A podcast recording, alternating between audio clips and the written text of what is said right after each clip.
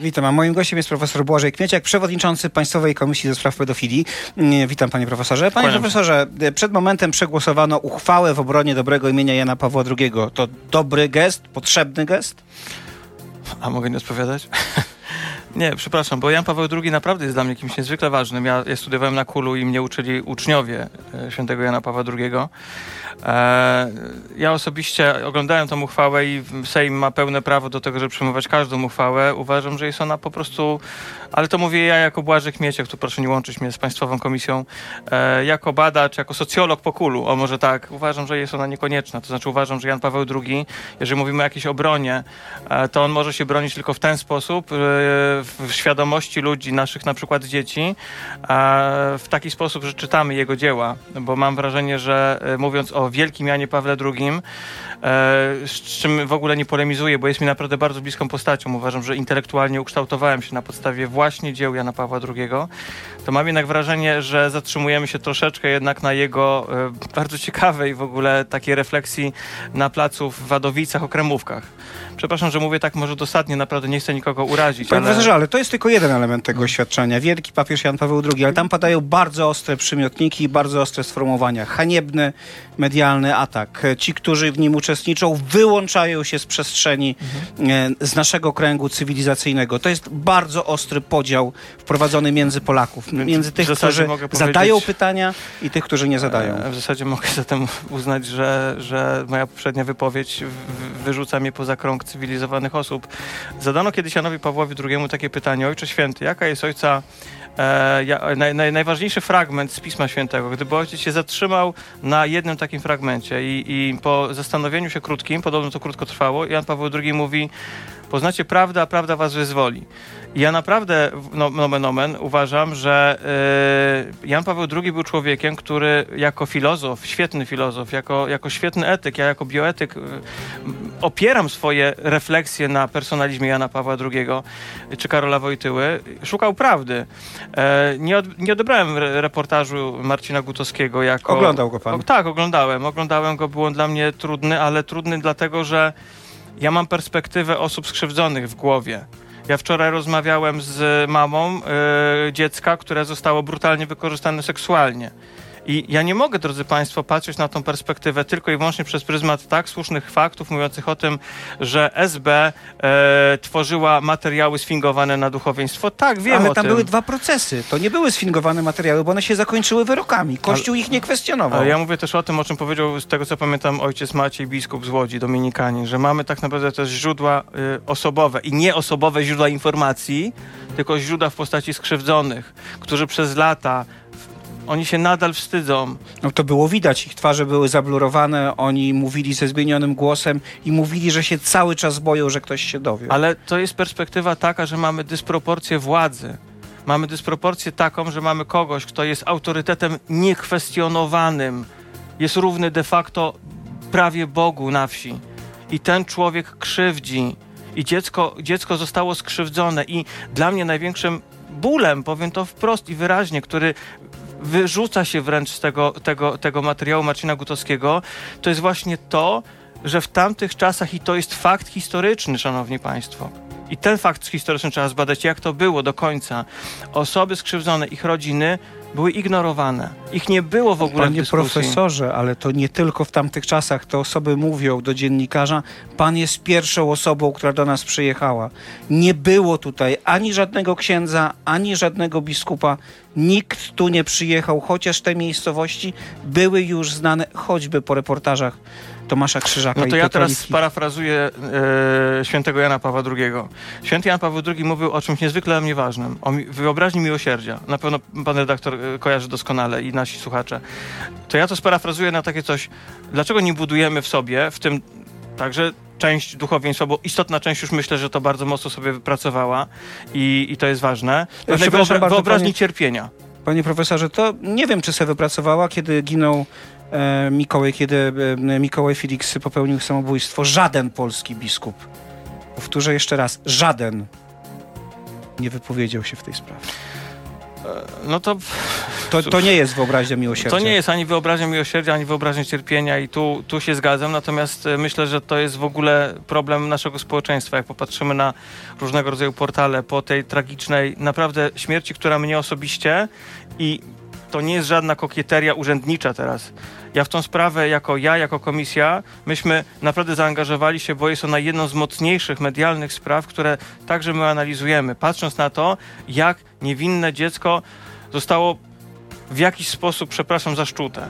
Przepraszam, że tak w może sposób wprost, przez kogo? ale przez niestety nieodpowiedzialnych pierw dziennikarzy, a następnie osoby, które na fali takiej reporterskiej głupoty, przepraszam, potem poszły w Twittery, Facebooki i inne media społecznościowe, zarzucając temu dziecku jakieś rzeczy, jakiś, w jakiś sposób wprost kierując w stronę tego dziecka, a następnie potem wylewając jakieś ohydne pomyje na mamy świętej pamięci Mikołaja. Panie przewodniczący, panie profesorze, ale skądś te dokumenty musiały wyciec? Ten Mhm. proces był procesem utajnionym. Jeśli dziennikarze poznali te fakty, to ktoś je ujawnił. W poniedziałek wystąpiliśmy do prokuratury okręgowej w Szczecinie, która także nadzoruje obecnie sytuację związaną z postępowaniem dotyczącą śmierci świętej pamięci Mikołaja, ponieważ rzeczywiście pojawia się pytanie, jak powiązano owego Krzysztofa F., jego czyn, powiedziany przez rzecznika sądu. E, nie wiem, ile jest Krzysztofów F. w Szczecinie, nie, nie wiem, nie badałem tego, ale, ale jak powiązano owego Krzysztofa F. z pierw, jak to było, polityk, parlamentarzystka i znana poseł. I, i jej dziećmi. I jeszcze wiekiem dzieci. I to powiązanie budzi bardzo poważne wątpliwości, bo ja nie wiem skąd oni to wiedzieli. I dlatego też pytamy, czy prawa dzieci były należycie zabezpieczone. Panie, panie przewodniczący, ale to mogą być tylko, tylko trzy strony. To mógł być adwokat, Mhm. to mogła być prokuratura, albo to mógł być sąd. No kto więcej mógł to wiedzieć? No, sąd zaznacza, że, że wszystko było lega artis. Ja no to chcę, może prokuratura. e, Ale ja nie będę spekulować teraz w, w kto to zrobił, bo zadaliśmy konkretne pytanie. Jako Państwowa Komisja ma prawo oczekiwać odpowiedzi i takiej odpowiedzi oczekujemy. Padnie ta odpowiedź? No, musi paść, bo A pana zdaniem ktoś poniesie odpowiedzialność? Nie, moim zdaniem nie poniesie nikt odpowiedzialności. To jest trochę, notabene, to jest trochę jak z odpowiedzialnością, przepraszam, ale wrócę do kościoła na chwilkę. Trochę jak z odpowiedzialnością, jak badam to zjawisko z perspektywy odpowiedzialności za przestępstwa seksualne, to nagle okazuje się, że, że nikt nie wiedział, nikt nie słyszał e, i że tak naprawdę z jednej strony odpowiedzialny jest biskup, ale biskupa nie powiadomił kanclerz, a w ogóle to tak naprawdę przespał wszystko notariusz w kurii. I nagle okazuje się, że ta, ta, ta, ta odpowiedzialność jest taka trochę rozproszona, że nie wiadomo kto to, prawda? Albo tak samo jak było z tajną instrukcją Watykanu. Nie wiadomo tak naprawdę, kto ją utajnił, nie wiadomo, kto ją podpisał. Znać teraz człowieku kogoś odpowiedzialnego to nie moja ręka. I tu będzie podobnie? Nie wiem tego. Mam nadzieję, że nie. Mam nadzieję, że jednak e, znajdą się osoby rozsądnie myślące, które perspektywę polityczną jednak schowają w szafie. Ja jestem naiwnym idealistą, ale między innymi dlatego zgodziłem się być członkiem tej komisji. Po prostu uważam, że właśnie Jan Paweł II mówił o prawdzie, że w pewnym momencie prawda jest najciekawsza, nie? Profesor Bożej Kwieciak, przewodniczący Państwowej Komisji do Spraw Pedofilii, był gościem RMF mm, FM. My już e, żegnamy się ze słuchaczami Radia RMF FM, ale pozostajemy w internetowym radiu RMF24, w naszych mediach społecznościowych i na stronie internetowej rmf24.pl. Co powinno się jeszcze stać w tej sprawie, w sprawie mm, zaszczucia Mikołaja? Moim zdaniem jakaś forma ciszy. Ja nie chcę filozofować teraz, ale po prostu nie jestem w stanie uwierzyć w to, co obserwuję w mediach. Naprawdę nie jestem w stanie. Moje pójście do radia takiego czy innego uznawane jest za e, refleksję ubeka. E, I ja jestem tutaj akurat najmniej istotny, ale jak patrzę na komentarze, które są pod moimi jakimiś wpisami, na przykład dotyczącymi tej sprawy, ludzi, którzy przysyłają mi jakieś filmy dotyczące mamy chłopca, które przysyłają mi jakieś zdjęcia ze sprawcą, zastanawiam się, jaki jest cel, jaka jest intencja Panie przewodniczący, co się z nami stało? To jest taka emocja, zobaczenie, pomyślenie przez moment, co musi czuć matka, której dziecko popełniło samobójstwo po tak dramatycznych wydarzeniach. To minimalna empatia powinna spowodować, że ludzie się powstrzymają od pisania, bo mogą pomyśleć, a skąd ja wiem, czy mnie to nie może spotkać? Znaczy, niestety spór jest tak silny, że y, to, co teraz zaproponuję, może nie spotka się z efektem, ale kto wie. Kilka dni temu u pana w, redaktora w studiu był Robert Fidura, pan Robert Fidura, który opowiadał o własnych potwornych doświadczeniach dotyczących tego, jak został wykorzystany seksualnie i co mnie, powiem szczerze, totalnie zatrzymało koniec tej rozmowy, gdy opowiadał o perspektywie samobójczej. Ja zachęcam ludzi, którzy jeszcze mają odrobinę jakiegoś rozsądku i przyzwoitości, do tego, żeby odsłuchali tą rozmowę. I przepraszam za lokowanie produktu, ale tak, kilka dni temu jest dostępna w sieci, sam korzystałem.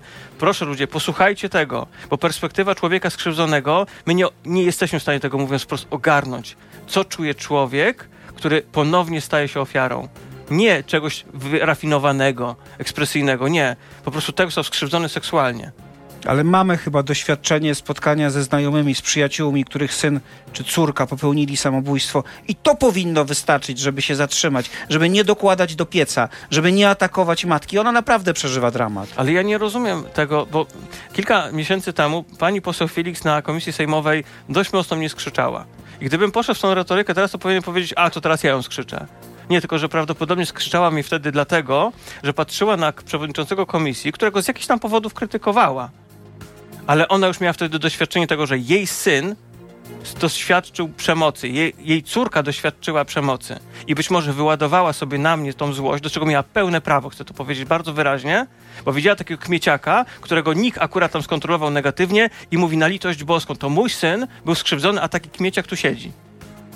I miała pełne prawo, i chcę to powiedzieć bardzo wyraźnie, nie wtedy zbesztać, zjechać po prostu. W tej pa perspektywie jak najbardziej. Panie Przewodniczący, myśmy słyszeli głosy w stylu dobry trup ożywia akcję. No, pan redaktor Ziemkiewicz, uważam i powiem to wyraźnie, bo o tym mówimy, uważam, że postąpił w sposób nieetyczny, co najmniej.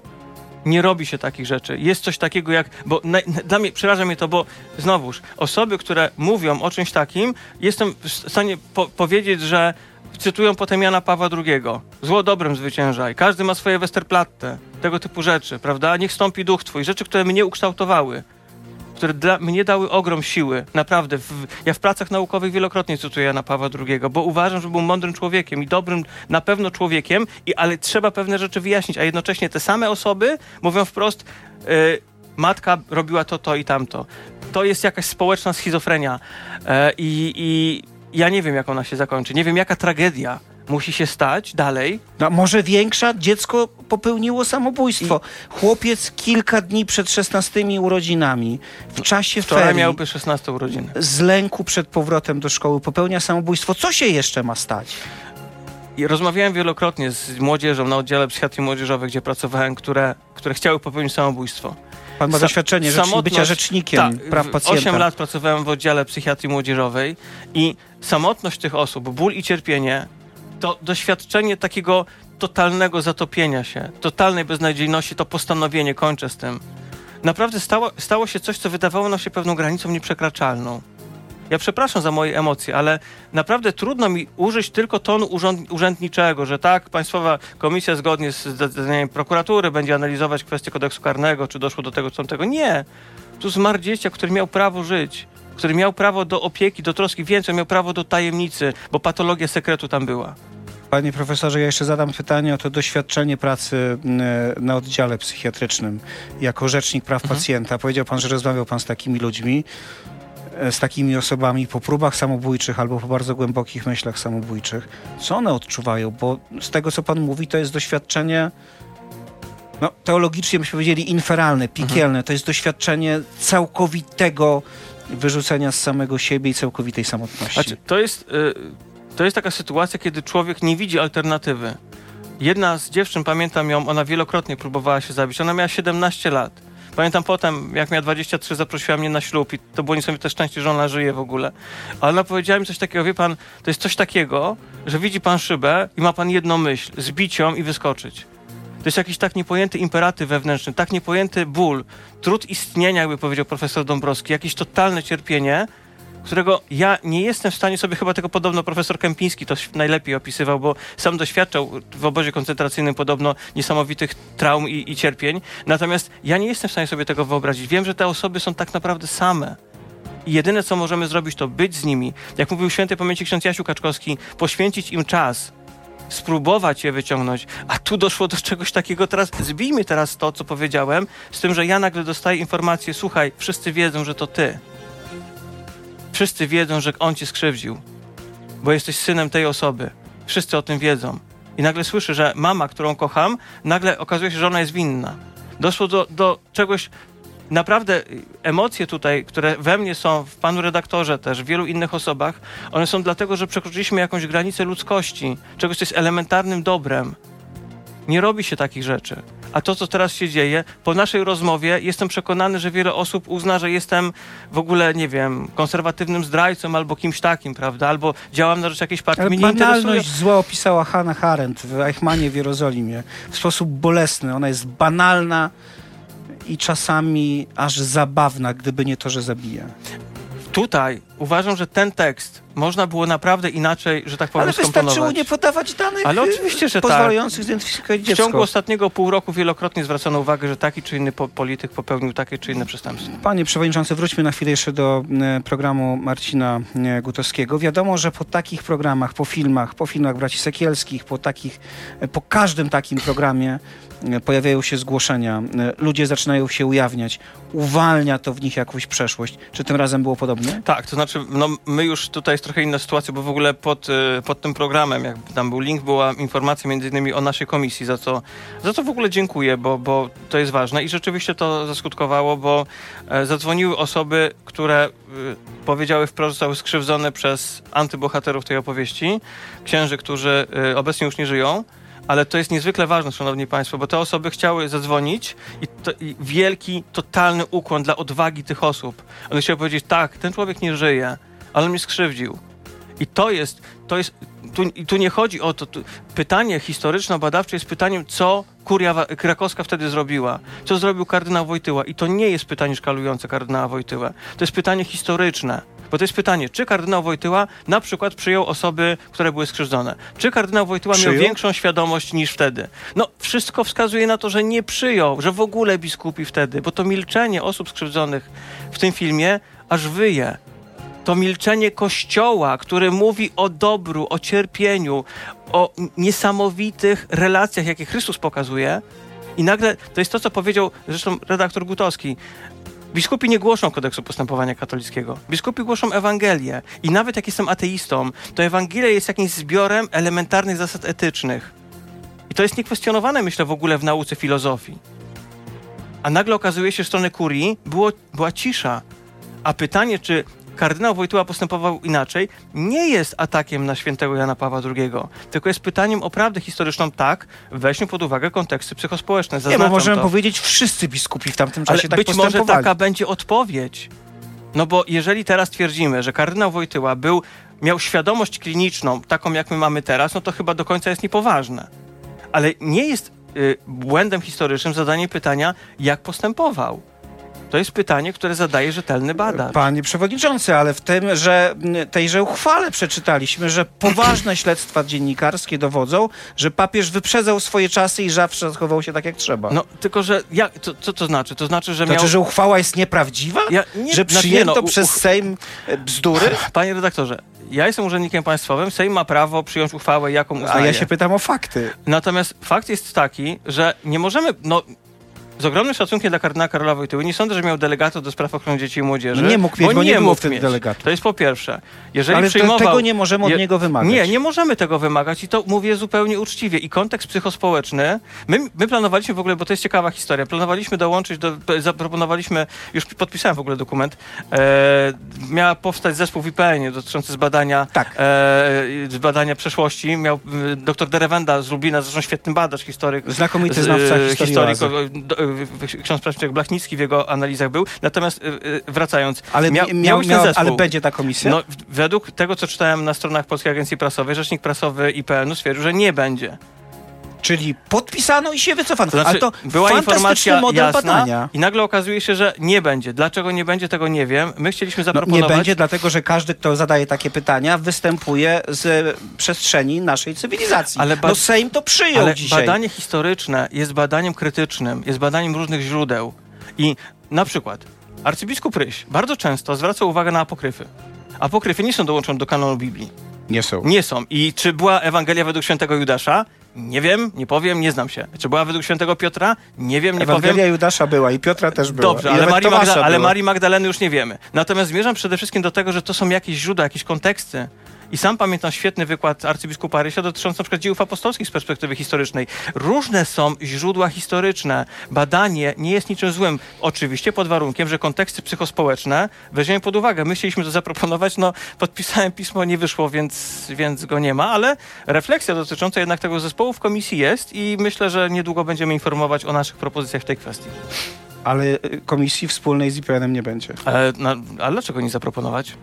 Dobrze, a y, Komisja Kościelna powstanie zdaniem... Czekam w marcu na informacje z Episkopatu Polski i mam nadzieję, że księża biskupi, pomimo całej dyskusji, pomimo Eucharystii za osoby szkalujące Jana Pawła II i powiem szczerze, sam się zastanawiam, naprawdę, drodzy Państwo, czy ja jestem w tym grobie, bo, gronie, gro, gro, może grobie właśnie, bo dla mnie Jan Paweł II jest kimś naprawdę istotnym. Ale zadawał pan pytania. Ale, za, ale po prostu chodzi mi o to, ja jestem badaczem. Ja właśnie wychowałem się w kulturze intelektualnej Jana Pawła II, Karola Wojtyły. Który przepraszał za grzechy ludzi Kościoła. I święty nie znaczy, niedos, do, nie znaczy doskonały. Ja nie wchodzę teraz w teologię, nie jestem teologiem. Chodzi mi o to, że prawda historyczna jest należna ludziom skrzywdzonym, którzy się w redak, u redaktora Gutowskiego odważyli, którzy zadzwonili do No, ale Państwowej bo dodajmy Komisji. jeszcze jedną rzecz, panie przewodniczący. To także ofiary zupełnie innych osób.